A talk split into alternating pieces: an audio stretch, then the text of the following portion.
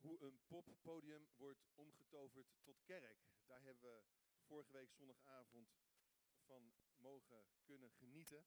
En hebben getuigen van kunnen zijn.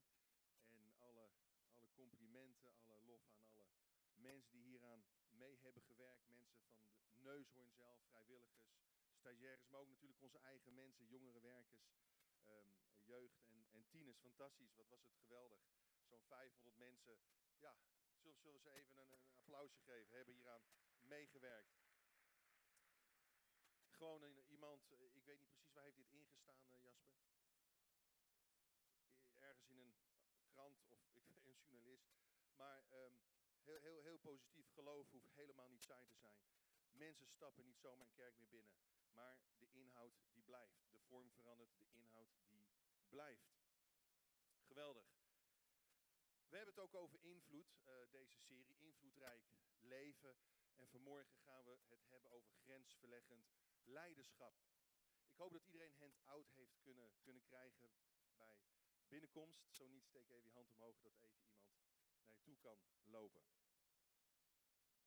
Hier vooraan.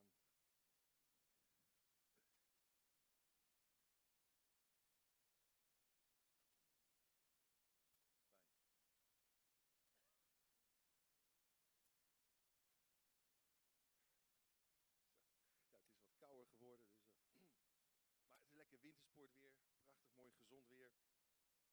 Vanmiddag even lekker naar buiten. In ieder geval wil ik het hebben over grensverleggend leiderschap. Um, we hebben met elkaar gekeken de afgelopen week hoe we invloed kunnen uitoefenen. Um, in hoeverre onze roeping ook um, daarmee te maken heeft. We zijn geschapen, we zijn gemaakt om, om invloed uit te oefenen, om Gods, Gods glorie, Gods heerlijkheid te weerspiegelen hier op aarde. Uh, om, om de aarde te bewerken, te cultiveren, te ontwikkelen. En ik heb ook gezegd, in dit opzicht is eigenlijk iedereen per definitie een leider in Gods ogen. En, en Jezus, hij, hij gebruikte eenvoudige mensen om leiding te geven. Je hoeft dus niet volmaakt te zijn, je hoeft niet briljant te zijn, um, maar wel integer en, en leergierig. En grensverleggend leiderschap is bovenal dienend van aard. Het verlegt de focus van van ik naar hen. Het verlegt de focus van, van binnen naar buiten. Het verlegt de focus van groot naar klein, van belangrijkste naar de minste. Lees u mee wat Jezus zegt over grensverleggend leiderschap. Vorsten, Lucas 22, vers 24, oefenen heerschappij uit over de aan hen onderworpen volken. En wie macht heeft, laat zich weldoener noemen. Laat dat bij jullie niet zo zijn. De belangrijkste van jullie moet de minste worden en de leider de dienaar. Ik ben in jullie midden als iemand die dient. Waarom zegt Jezus dit? Tijdens het laatste avondmaal ontstond er ruzie onder de discipelen, volgelingen van Jezus, over de vraag wie de belangrijkste was wie de belangrijkste was. En, en je ziet dat ze steeds bezig zijn om zich met elkaar te vergelijken. Krijgen ze wel genoeg erkenning? Ziet Jezus wel wat ze allemaal wel niet doen? Krijgen ze straks later in het koninkrijk van God wel genoeg aanzien? En zodoende rijst de vraag bij mij op: hoe toon ik eigenlijk grensverleggend leiderschap in mijn leven? Waarin zou ik nog meer moeten groeien? Zouden wij nog meer moeten groeien? Allereerst, lees u mee, vult in. Geef mensen een voorbeeld van dienend leiderschap. Grensverleggend leiderschap is dienend leiderschap. Geef mensen daar een voorbeeld van. Zet dus allereerst zelf een goed voorbeeld neer. Kijk, ik kan niet van anderen vragen wat ik zelf niet doe. Ik kan niemand hier uitdagen om te getuigen van het evangelie als ik zelf niet getuig. Ik kan niemand hier uitdagen om offers te brengen als ik zelf niet opofferend, zelfopofferend ben. Ik kan niemand hier uitdagen om gasvrij te zijn als ik zelf niet gasvrij ben. Ik kan niemand vragen vrijgevig te zijn als ik zelf gierig ben. Je kunt dus mensen niet verder leiden dan je zelf bent. En Jezus, hij vroeg nooit iets aan zijn discipelen wat hij zelf niet deed. Lees het evangelie maar. Eigenlijk zegt hij, als hij zegt volg mij, volg mij dan ook op zo'n manier dat je offers brengt zoals ik offers breng. Dat je je toewijdt zoals ik me toewijd aan God de Vader. Dat, dat je strijdt zoals ik strijd. Dat je met mensen omgaat zoals ik met mensen omga. En ik geloof dat iedere leider zowel een zichtbare als een onzichtbare status heeft.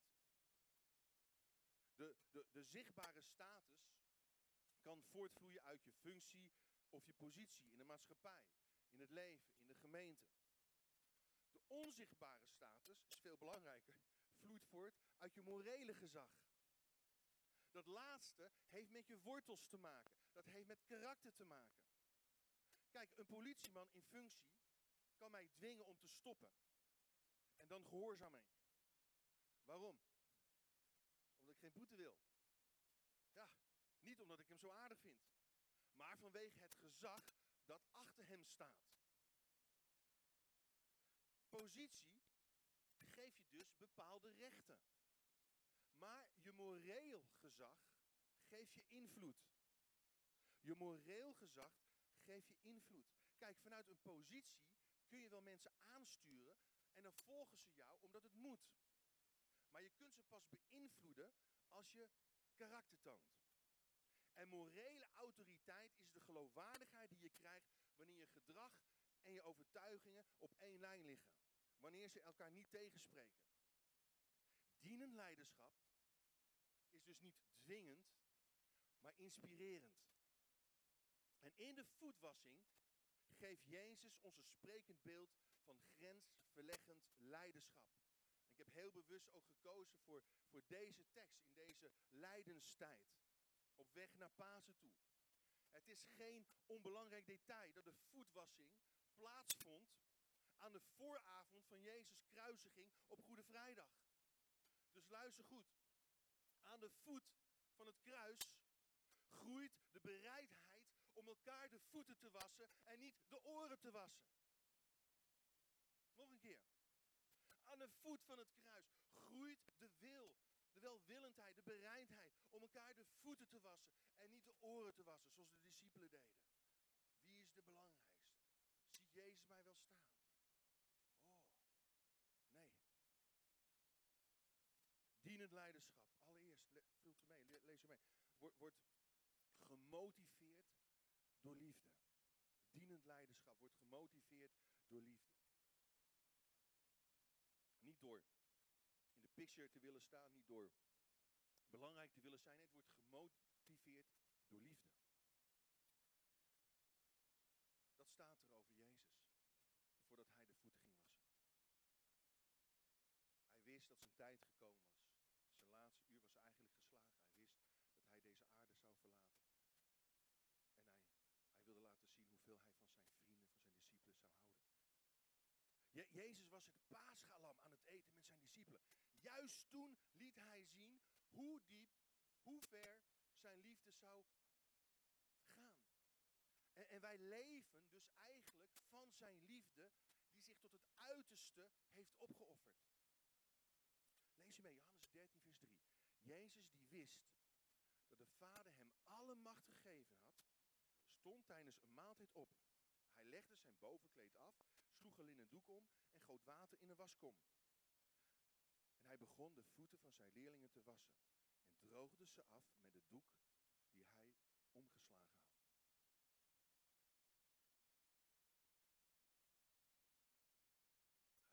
Hij legde zijn bovenkleed af. Voordat hij zijn leven ging afleggen, legde hij zijn bovenkleed af. Weet je, Jezus had alle macht, staat hier. Dat wil zeggen, dus ook alle rechten om te eisen dat ze zijn voeten zouden wassen. Ik zou je dit zeggen, als je iemands karakter wil testen, geef hem dan macht. Hoe gaat iemand daarmee om? Er, zijn van die mensen die zodra ze hun uniform uniformpje aantrekken of een hesje met wat kreten erop, dat ze veranderen in een monster. Ze gebruiken hun macht om mensen te intimideren of om mensen te kleineren of, of wat dan ook. Ik weet niet of je wel eens een, een, een douanebeambte bent tegengekomen op een vliegveld. Wie, wie, wie heeft wel zo iemand, ja? Op vakantie of zo'n parkeerwachter. we waren een aantal maanden geleden in New York en toen we, toen we vertrokken, toen kwamen we uh, net niet helemaal op tijd, laat ik het zo zeggen. Uh, we, we moesten snel nog even snel nog even nou, door die douane heen. Ja hoor, dan krijg je het hè. Dan krijg je het. Ja, dus, er stond er zo een, een figuur met zo'n een, een dikke bets op, op zijn op zijn kleed, op zijn uniform en een pistool En, en, en, en een tasje van ons, we moesten al lang in de, in de rij wachten. Een tasje van ons moest weer helemaal terug. Een verdacht tasje. Ik weet niet waarom, maar verdacht. Niet omdat ik er verdacht uitzag, maar dat tasje zag er verdacht uit. En, en, en ik zei tegen die man, ja, maar over een kwartier, hè, dan wordt, is de boarding is, is afgelopen. Dan gaan de deuren dicht. Over een kwartier uh, gaat ons, ons vliegtuig opstijgen. Ik zei dat natuurlijk in het. Kunt u niet even mij voorrang geven?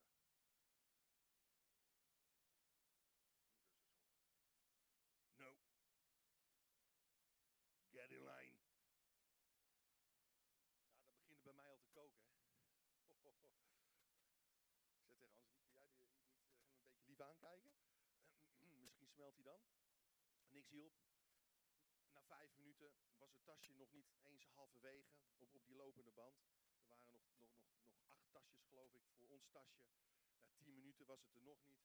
Uh, ja, u begrijpt wat ik deed. Ik ging weer naar hem toe. Ik zeg, uh, hey sir, please, can you please help? Our, our, our airplane is going to, eh, fly off en uh, bla bla bla. Get in line. Oh jongens, zo iemand met macht. Dat is echt toeristenpesten. Gewoon toeristenpest is dat. Maar goed, kleine heren, vanwege zijn functie, vanwege zijn bed. Hij bepaalt weer even. Uiteindelijk, uiteindelijk, hals over kop, rennen door die terminal. Het was ook nog helemaal aan het eind ergens van, van zo'n terminal. Of zo'n, zo'n, zo'n, weet ik veel wat. Kwamen we aan. De deuren gingen, ze wilden net de deuren dicht doen, maar ja, toen moest ik naar de toilet. Dus moest, toen moest ik nog even, maar goed. We kwamen uiteindelijk in het, als laatste in het vliegtuig neer. Uh, een wonder, een klein wonder. Maar goed, Jezus, hij, hij gebruikte zijn macht niet om, om te manipuleren, niet om te intimideren, maar om te dienen. Dat was zijn motivatie. Alleen zijn dienende liefde maakt namelijk een, een duurzaam samenzijn mogelijk en haalbaar. En, en zijn liefde was volhardend tot het einde toe. Zijn liefde was onvoorwaardelijk, want zelfs Judas, zijn verrader, waste hij de voeten. En zijn liefde was onzelfzuchtig, want op een voor hem heel zwaar moment, hij wist dat hij de volgende dag gekruisigd en gegezeld zou gaan worden, neemt hij het initiatief om zijn discipelen te dienen. Weet je, dienende liefde maakt een leider groot. Dr. Martin Luther King, hij zei het volgende. Iedereen kan groot zijn, want iedereen kan dienen. Je hoeft niet te hebben gestudeerd om te kunnen dienen. Je hebt alleen een hart vol genade nodig. Een ziel vervuld met liefde. Dienend leiderschap initiatief. Vult u me in. Neemt het initiatief. Want zo kwam hij ook bij Simon Petrus. Heer, gaat u mijn voeten wassen? Vroeg Petrus hem. Nooit van mijn leven zult u mijn voeten wassen. En dan zegt Jezus, als ik jouw voeten niet was, hoor je niet bij mij. Oh Heer, dan niet alleen mijn voeten, ook mijn handen en mijn hoofd. Ik vind het zo mooi, hè, die, die Petrus. Wat een figuur, hè. Zo lekker impulsief. Fantastisch. Heer, niet alleen mijn voet, ah, ook mijn handen en mijn hoofd. Weet je, het was de taak van een gastheer in die tijd om ervoor te zorgen dat de stoffige voeten van de gasten afgewassen werden voordat ze gingen eten. Iedereen had namelijk stinkvoeten. Denk even na. Je loopt daar in Israël. Het is daar 30, 40 graden. Op sandalen. Wat denk je? Je voeten worden stoffig. Maar die gaan ook stinken. En hoe gingen ze met elkaar het avondmaal vieren? Door aan te liggen. Nou, hoe ga je aanliggen? Ja, uh, Jasper, kom eens even hier. Kom eens, ja. Jan, jij bent gymleraar, jij bent ook wel lenig. Als je wil, kom maar even hier. Kijk, we gaan even laten zien hoe dat, hoe dat in die tijd ging. Want, want dan snap je dat verhaal wat beter. Gijs, uh, als ga je anders hier op dat podium liggen, moet je er niet afvallen. Ja, en dan ga jij daar liggen. Ja, en dan ben ik Jezus. Ja, en inderdaad, die voeten, die sandalen, die, die waren al uit. Maar ze waren niet schoon. Even kijken, hoe heb je schone voeten?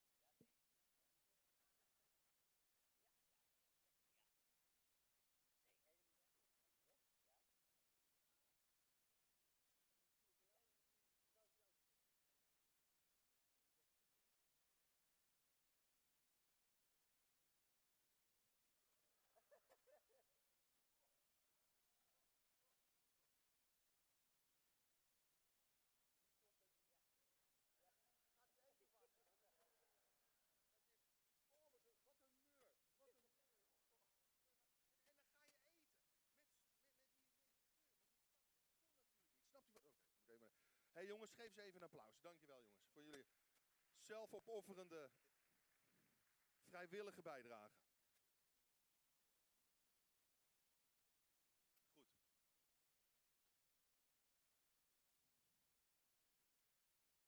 Dus ze gingen aanliggen. Voeten niet gewassen. Stinkende voeten. Wat doet Jezus? Hij staat op, legt ze boven het weet af, pakt de linnen doek en begint de voeten van de discipelen te wassen. Dit getuigt van initiatief. Wat een les. Iemand was namelijk vergeten om een slaaf in te huren of te regelen voor die avond. En alleen Jezus, de Messias, de Zoon van de levende God, is bereid om die taak op zich te nemen. Een slaventaak. Je begrijpt dat deze actie de discipelen in verlegenheid bracht.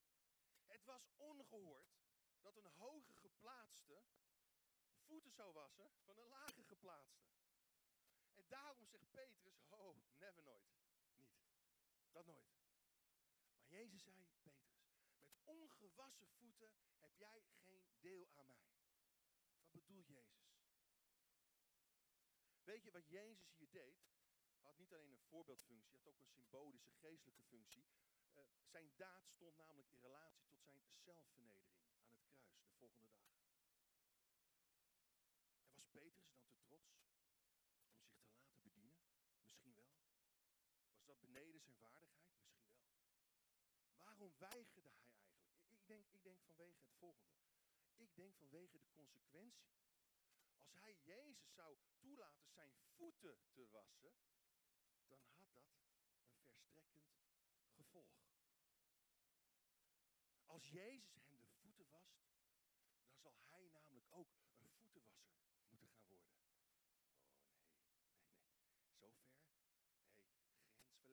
Te, te, nee, zo ver wil ik niet gaan. Jezus zegt ook direct in de context, begrijpen jullie wat ik gedaan heb? Als ik jullie Heer en Meester je voeten heb gewassen, moeten jullie ook elkaars voeten wassen. Petrus had dat misschien wel door. Hé, hey, als Jezus mijn voeten gaat wassen, moet ik ook die van Judas wassen. En die van Jacobus wassen. En die van Andreas wassen. En, van Nathanael. En ga zo maar door. Dat gaan we niet doen. Maar als je dat niet wil, heb je geen deel aan mij. Want, lees je mee, ik heb jullie een voorbeeld gegeven. Wat ik voor jullie heb gedaan, moeten jullie net zo doen. Geloof mij, een knecht staat niet boven zijn heer. Een afgestand staat niet boven zijn zender. Je krijgt alleen deel aan Jezus, aan de eeuwigheid, als je zijn dienen, de liefde, ontvangt en aanneemt. Want dat is namelijk het kenmerk waarop zijn koninkrijk gebouwd zal worden. Dus de vraag is, in hoeverre het initiatief om mensen te dienen? Waarom wacht je af? Waarom neem je niet, niet het initiatief? Jezus, hij zei dit, behandel anderen zoals, zoals je wilt dat ze jou behandelen. Dat is grensverleggend. Behandel anderen zoals je wilt dat ze jou behandelen. Ik wil heel kort dat we met elkaar gaan kijken naar een filmpje. Het is een Aziatisch filmpje, maar gelukkig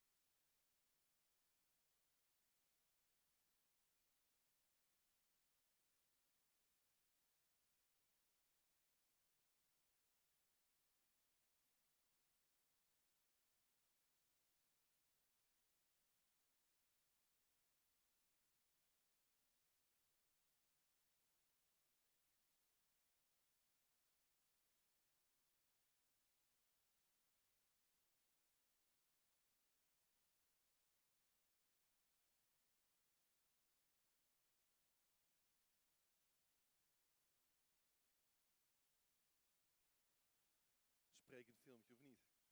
Over leiderschap gesproken. Dit, dit, is, dit is leiderschap.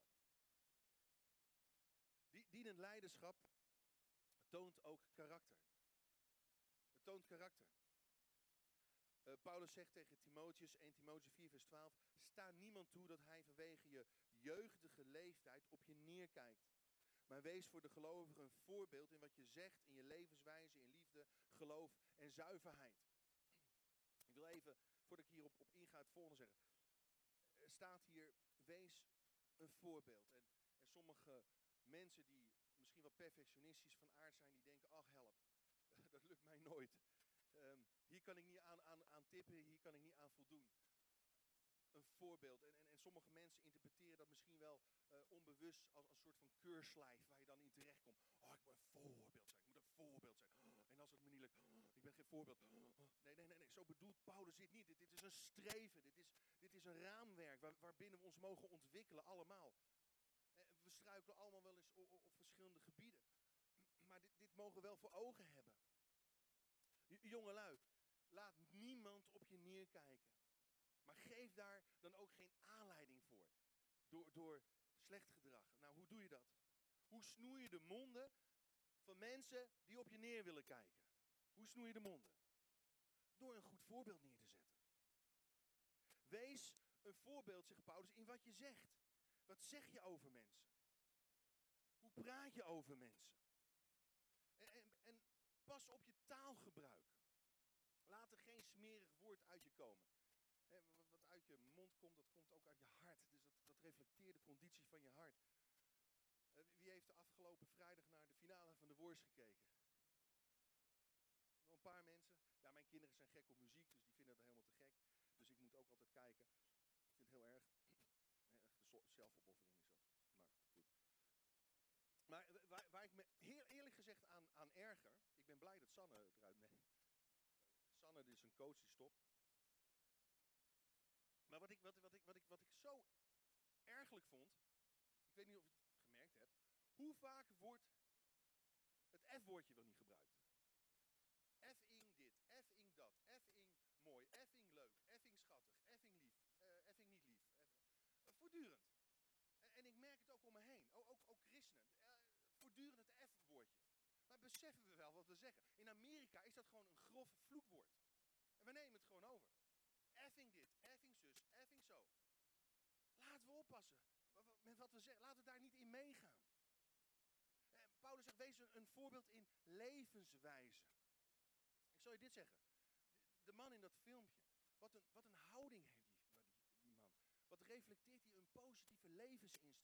Weet je, een leider met een negatieve houding zal nooit een positieve, inspirerende indruk kunnen achterlaten. Waar dingen gaan bloeien en groeien. Weet je, mijn houding, mijn, ik heb het even over mezelf, is mijn grootste vriend of mijn grootste vijand. Niet, niet mensen om mij heen, geen omstandigheden waar ik mee. Mijn eigen houding is mijn grootste vriend of mijn grootste vijand. En dan zegt hij, wees een voorbeeld in liefde. In liefde voor alle. Jezus hart ging uit naar verloren mensen. Hij legde zijn leven af voor alle mensen. Al zo lief heeft hij de wereld gehad. Alle mensen die van God los waren geraakt. Ik, ik moest zo lachen. En laatst zei, zei Anthony tegen me. Pap, niet alle mensen mogen naar de hemel hoor. Oh, hoezo niet? Nou, vooral Frans Bouwen niet. Ja, eh, Anthony, hè, de eh, geweldige jongen. Maar die is gek op muziek en die luistert heel veel naar muziek. En, en is heel gevoelig voor muziek. En uh, ook christelijke muziek. Maar hij luistert van alles en nog wat. Soms moet ik daar een beetje op toezien. Maar Frans Bauer, nee, dat kan niet door de beugel. En, en ik weet niet of u het gemerkt hebt, maar ook tijdens reclames tegenwoordig. Heb je dat liedje? Heb je even, uh, nee, uh, heb je even Chinees met een, nee? Met wat sambal erbij, of zoiets, toch? Van de Lidl of zo, is dat die reclame? Ik word helemaal gek van, hè? En, en, en ik ben heel eerlijk, dat, dat lied is demonisch. Ja, ik, ik, ik, heb er nu al spijt van dat ik, het, dat ik het heb gezongen, want de hele dag is een liedje in mijn hoofd. Nou, dat is toch niet van de Heer? Als zo'n liedje de hele tijd in je hoofd. Heb je even Chinees met een... Zei, vreselijk, zegt hij. Vreselijk. Nee, Frans Bouwen mag niet in de hemel. Nou, ik moest dat even, even uitleggen. Ja, maar God houdt toch van alle mensen? Ja, maar niet van Frans Bouwen. Smaken verschillen. Oké. Zei, nou weet je, dat liedje mag naar de hel, maar Fran- Frans Bauer mag toch wel in de hemel, of niet? Ja, nou, dat weet ik nog niet. Moet ik even over nadenken, zegt. Hé, hey, maar God houdt van alle mensen. Ja, ja, ja, ja, ja. Maar Frans Bauer komt niet in de hemel. Oké, ja, hij, hij blijft volhouden, hè. Goed. Wees een voorbeeld in geloof. Met andere woorden, plaats, plaats vertrouwen tegenover vrees.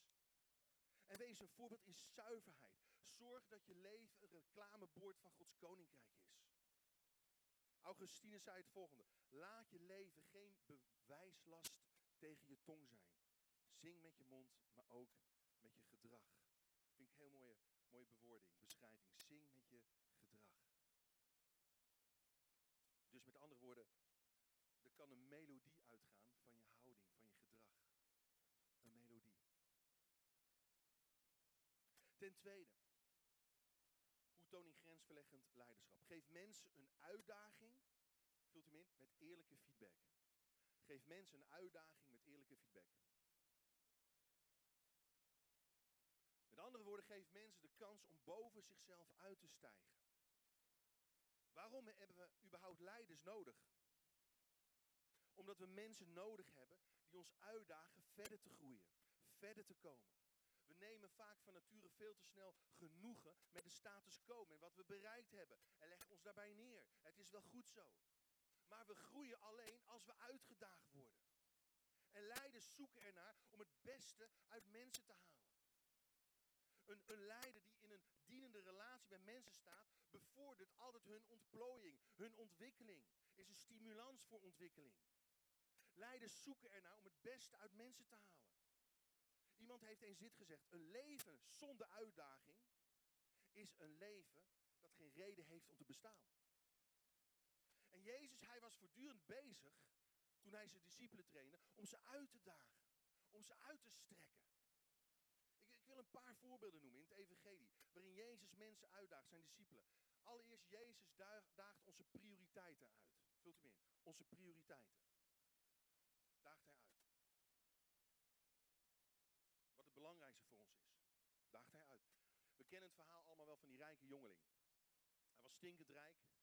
Dat lezen we eigenlijk achteraf aan het eind van het verhaal. Maar hij komt naar Jezus toe en hij wilde heel graag deel krijgen aan het eeuwige leven. En hij zei, wat moet ik doen? Want ik heb alle geboden die er zijn onderhouden. Mijn leven lang. Een perfect voorbeeld, zou ik op het eerste gezicht zeggen, niet? Toch stelt Jezus zijn prioriteiten aan de kaak, zijn afgod. Voor de een is dat misschien genot, voor de ander is een hobby, voor de ander, was, voor de ander is dat geld, voor hem was dat ook geld. En, en wat gebeurt er? Lees u mee, Marcus 10 vers 21. Jezus, hij keek hem aan en ging van hem houden. Mooi. Ondanks zijn, zijn gebrek ging hij wel van hem houden. Hij zei hem, aan één ding ontbreekt het u nog. Ga verkopen wat u hebt en geef het aan de armen. En u zult een schat hebben in de hemel. En de, die, die rijke juppie, hij ging de uitdaging niet aan. Bedroefd, teleurgesteld, liep hij bij Jezus weg. Jezus, hij daagde zijn prioriteiten aan en, en hij openbaarde wat er echt ten diepste in zijn hart was. Liefde voor zijn eigen comfort. Hey, let op, Je- Jezus vroeg dat niet aan, aan iedereen trouwens, of aan alle rijken. Lazarus, een van de beste vrienden van Jezus, was zeer rijk, staat in het evangelie. Aan hem vroeg Jezus niet om alles te verkopen aan de armen te geven. Wat wil dit zeggen? Jezus daagt ons dus uit op de plek waar het zeer doet. Om verder te kunnen groeien. Wat is datgene wat je vasthoudt en je belemmert om verder te kunnen komen? Dat is waar het om gaat. Het is, het is trouwens jammer dat de rijke jongeling niet kon horen wat Jezus even later zei. Want bij een grote uitdaging hoort ook een grote belofte. Er staat in Marcus 10 vers 29 in de directe context. Ik verzeker jullie, zei Jezus. Iedereen die huis, broers, zusters, moeder, vader, kinderen of akkers verlaat omwille van mij en omwille van het evangelie. Die krijgen nu al honderdmaal zoveel terug aan huizen, broers, zusters, moeders, kinderen en akkers. voorspoedpredikers is, is dat ze nu stoppen. Het staat heel duidelijk. Ja, materiële rijkdom. Belooft hier Jezus. Relationele rijkdom. Belooft Jezus hier. Maar Jezus gaat verder. Maar dat niet zonder vervolgingen. Maar dat niet zonder moeilijkheden. Maar dat niet zonder lijden. Maar dat niet zonder problemen. Niet zonder vervolgingen en verdrukkingen. Dat, wordt vaak dan weggelaten. Maar God belooft wel degelijk dat Hij met ons zal zijn. Dat Hij ons kan en wil zegenen. Maar het is geen automatisme. Het gaat ook niet zomaar vanzelf. Maar geef wel een belofte. Jammer dat, dat de jongeling dat, dat niet heeft kunnen horen. Hij was al weg. Jezus daagt onze prioriteit aan. En, en, en Jezus daagt nog meer. Hij daagt ook ons geloof uit. Vul me in. Hij daagt ons geloof uit. Door ons te vragen om iets te doen wat misschien wel menselijk gezien onmogelijk lijkt.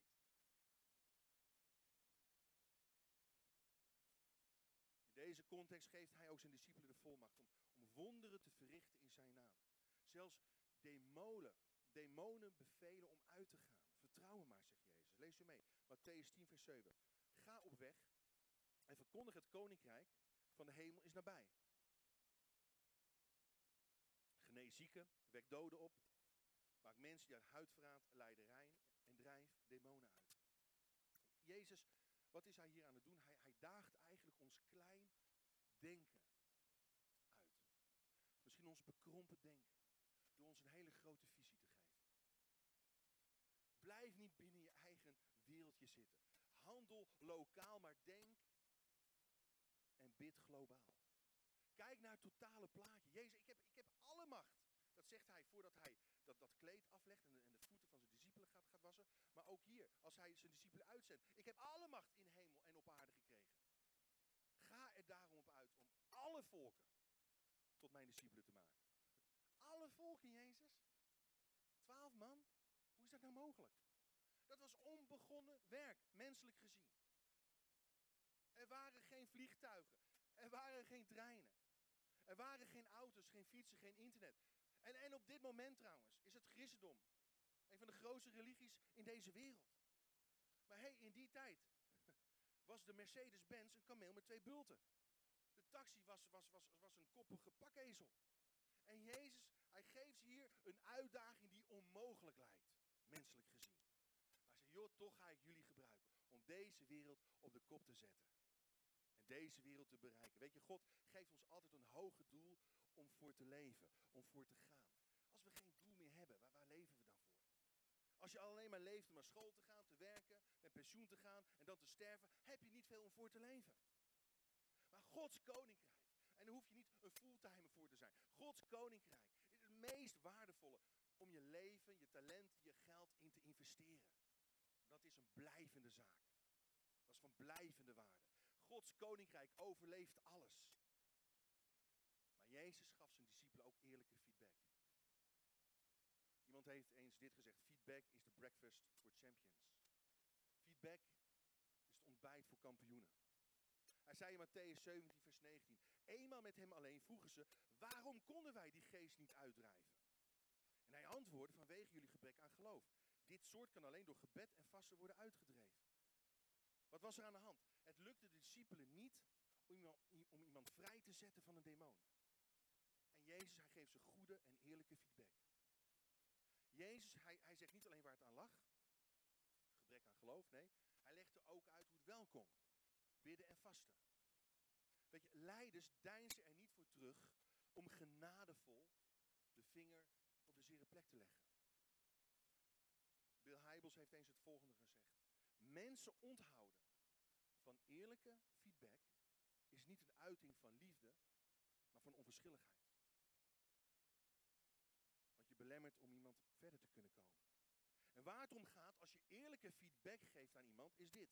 Je wijst de persoon niet af, maar je wijst het probleem aan. Je valt de persoon niet aan, maar dat wat moet worden gecorrigeerd.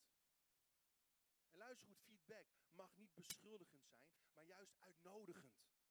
Je wijst namelijk ook op de opties, de mogelijkheden die er zijn, de kansen die er zijn. Om te kunnen groeien, om vooruit te kunnen komen. De vraag is ook, hoe haal je nog meer het beste uit, uit mensen? Wat is daarvoor nodig? Ten derde, lees u mee en vult u in. Geef mensen woorden van bemoediging en perspectief in hun mogelijkheden. Geef mensen woorden van bemoediging en perspectief. Dit geldt voor je gezin, dit geldt voor je werk, voor op school, maakt niet uit. Geef mensen woorden van bemoediging en perspectief en de mogelijkheden. Weet je, als iemand in je gelooft, dat is zo gaaf. Als iemand je aanmoedigt, dan, dan raak je gemotiveerd. Gebrand om aan de slag te gaan. Als er tegen jou gezegd wordt, joh, je kunt het. Je kunt het doen. Je kunt het aan. Kom op. Ga erin geloven. Het is brandstof voor je ziel. En je hebt iemand nodig die je aanwakkert, die je aanvuurt, die je aanspoort. Paulus zegt in Efeze 4, vers 29 het volgende. Hij zegt, zeg waar het nodig is, iets opbouwends. Iets dat de mensen die u horen goed doet. Zeg iets opbouwends. Als je niet weet wat je moet zeggen, zeg iets opbouwends. Zeg iets wat, wat mensen goed doet. Dan bevestig je mensen in hun mogelijkheden, in hun talenten. Weet je, heel veel mensen hebben niet door hoe waardevol ze zijn. Heel veel mensen ook hier hebben, hebben niet door hoeveel ze in zich in huis hebben om echt goddelijke invloed uit te oefenen op hun omgeving. Hoe geef je mensen dat gevoel dat ze belangrijk zijn? Door ze te behandelen zoals ze kunnen worden. Niet zoals ze op dit moment zijn. Door ze te behandelen zoals ze kunnen worden. Niet zoals ze op dit moment zijn. Dus bemoedig, bevestig. Weet je, we plakken vaak etiketten op mensen door te focussen op wat we niet leuk vinden in hen. Wat we niet goed vinden in hen. Help je mensen niet mee. Ik ben, ik ben er vaak genoeg zelf de, de fout in, mee ingegaan. En, en we, we, helpen mensen niet met allerlei etiketten op te plakken van dit is niet goed en dat is niet leuk aan je. En weg met die etiketten. We helpen mensen wel met etiketten die goed, die leuk, die positief zijn. Ja, Simon, hij was een riet. Simon betekent riet, dat weten we. Maar Jezus zag een rots in hem. Oké, je bent nu nog als een riet. Dat betekent wis, wispelturig. Kunt zomaar knakken. Je, bent onstabiel. Maar ik zie in jou de potentie om een stabiele rots van bemoediging te zijn. Voor je broeders en voor je zusters. Lucas 22, vers 32, zegt, daar zegt Jezus, Simon, Simon, oh Rietje, Rietje, sprietje, sprietje, weet ik veel. Weet dat Satan heeft geëist jullie te ziften als koren in een zeef. Maar ik heb voor je gebeden dat je geloof je niet in de steek zou laten. En jij moet, als je eenmaal tot één keer bent gekomen, ja, hij gaat de mist in, Jezus drie keer verlogenen. Jij moet, als je eenmaal tot bekering bent je broeders moet inspreken.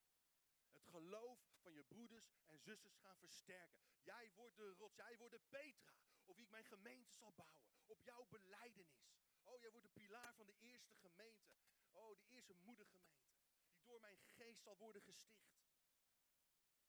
Ondanks het feit dat de boze bezig was om Simon Petrus te belemmeren in zijn roeping. Te dwarsbomen in zijn potentiële mogelijkheden, was Jezus voor hem aan het strijden. Was Jezus voor hem aan het bidden. Niet aan het aanklagen, niet aan het veroordelen, maar voor hem aan het bidden. Weet je, een leider bidt voor de mensen met wie hij samenwerkt. En hij strijdt voor ze.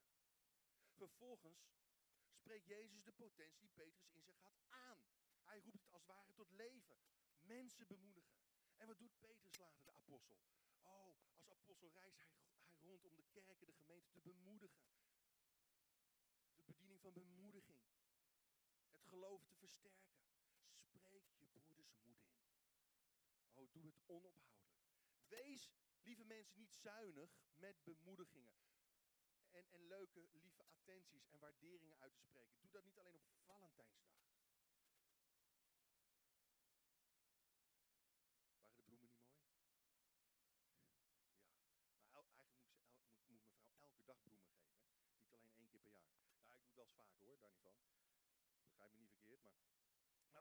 Doe niet zuinig met, met, met waarderingen uit te spreken, bemoedigingen uit te spreken. Dan komen mensen tot bloei. Waardeer mensen voortdurend. Oké, nou even, even een illustratie. Maar mag u niet verder vertellen. Top secret. Nee, dat mag. Dat mag. Ik moest uh, vorige week naar de basisschool van mijn dochters met de juf over een ernstige situatie in de klas. Ik oh, niet zo'n zin in, maar goed.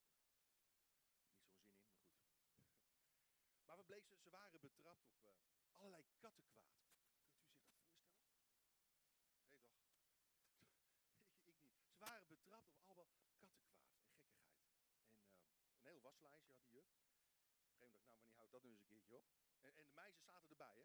Ze zaten erbij. Ik weet achteraf niet of dat pedagogisch zo ze waren heel stil. Zijn ze normaal ook zo stil? Nee, normaal zijn ze niet zo stil, zei de juf. En ehm, ze hadden ook andere kinderen geholpen met de CITO-toets. En, en, en de kinderen die normaal gesproken dan niet zo hoog scoren, scoorden opeens heel hoog. Niet dat mijn meisjes zo slim zijn hoor, dat wil ik niet mee zeggen. Maar, maar in ieder geval, ze zijn, ook, ze zijn blijven kleuteren. Hè. Ze zijn een jaartje ouder, zijn met z'n tweeën en dit en dat soort dingen. Maar goed, eh, dus er zijn kinderen die, die die hele toets opnieuw moeten doen, dus ouders boos. Ehm, ze, hadden, oh ja, ze hadden de gymzaal helemaal op de kop gezet. Prullenbakken en toestanden. En ehm, ja, hoe zeg je dat? Als klap op de som, zeg je dat zo? Op de vuurpijl. Als klap op de som, ik dacht sommetjes. Nou goed, basisschool. Vuurpijl. Ehm, bleek ook dat, dat eh, heel veel kinderen aan Esse en Magali toestemming moeten vragen of ze wel de klas in mogen komen. Nou, dan ging de juf echt te ver. Begrijpt u dat nou? Mijn poppies. Mijn prinsesjes. Eh, en, en ik krijg natuurlijk direct van mevrouw de schuld na afloop. Ja, dat komt door jou, je verwenst te veel. Eh, poppies, nee, mijn Maggie, Snaggy, Essie, Bessie. Alleen ik mag dat zeggen. Eh, maar dat ging juf veel te ver. Nou ja, goed. Ze spelen nogal de baas in de klas. Nou, kan ik me ook niet voorstellen.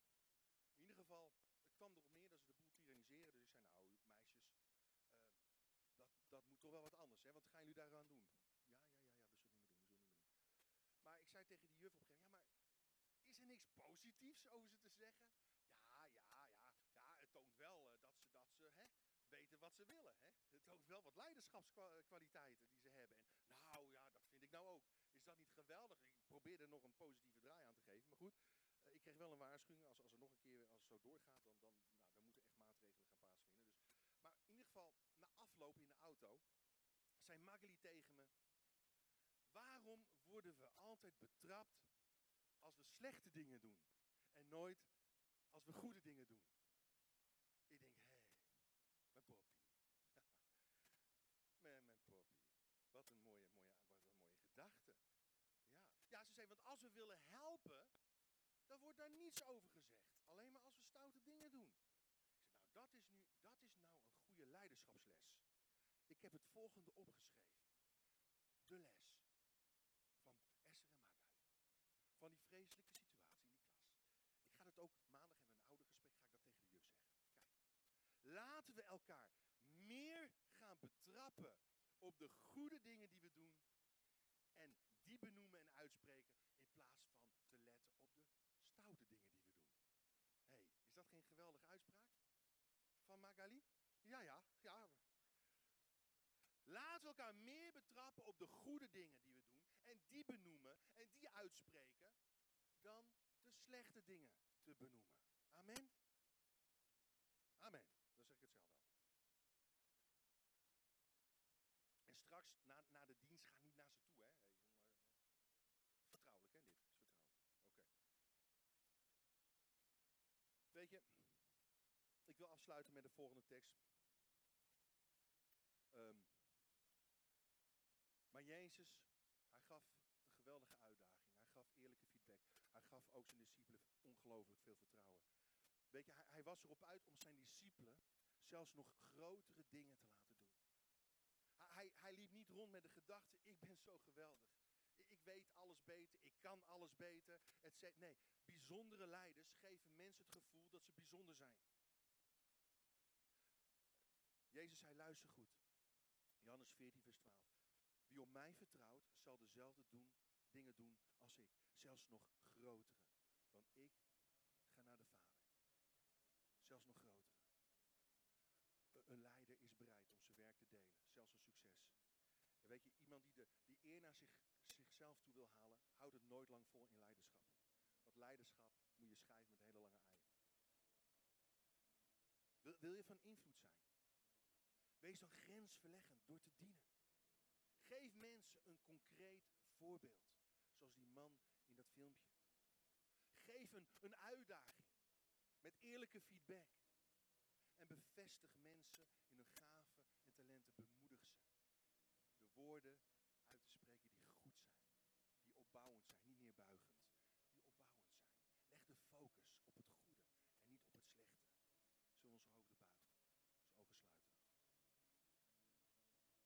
Ben je hier gekomen, misschien kom je hier al heel lang, misschien nog maar net. Maar je hebt God nog niet gekend als een God die dient. Als Jezus, de dienaar, die ook jou wil dienen. Die, die vanmorgen ook jouw voeten wil wassen. Die, die door zijn offer aan het kruis niet alleen je voeten heeft gewassen, maar ook je, handen en je hoofd heeft gewassen. Je denken kan reinigen. Je handelingen kan zuiveren. Je wandel kan vernieuwen. Je volgt hem nog niet. Maar vandaag wil je in zijn voetstappen gaan, gaan staan. Mag ik dan voor je bidden? Zou je je hand omhoog willen steken op dit moment? Zodat ik voor je kan bidden. Als je die Jezus wil aannemen. Die Jezus wil gaan volgen. Dankjewel. Er zijn nog meer mensen.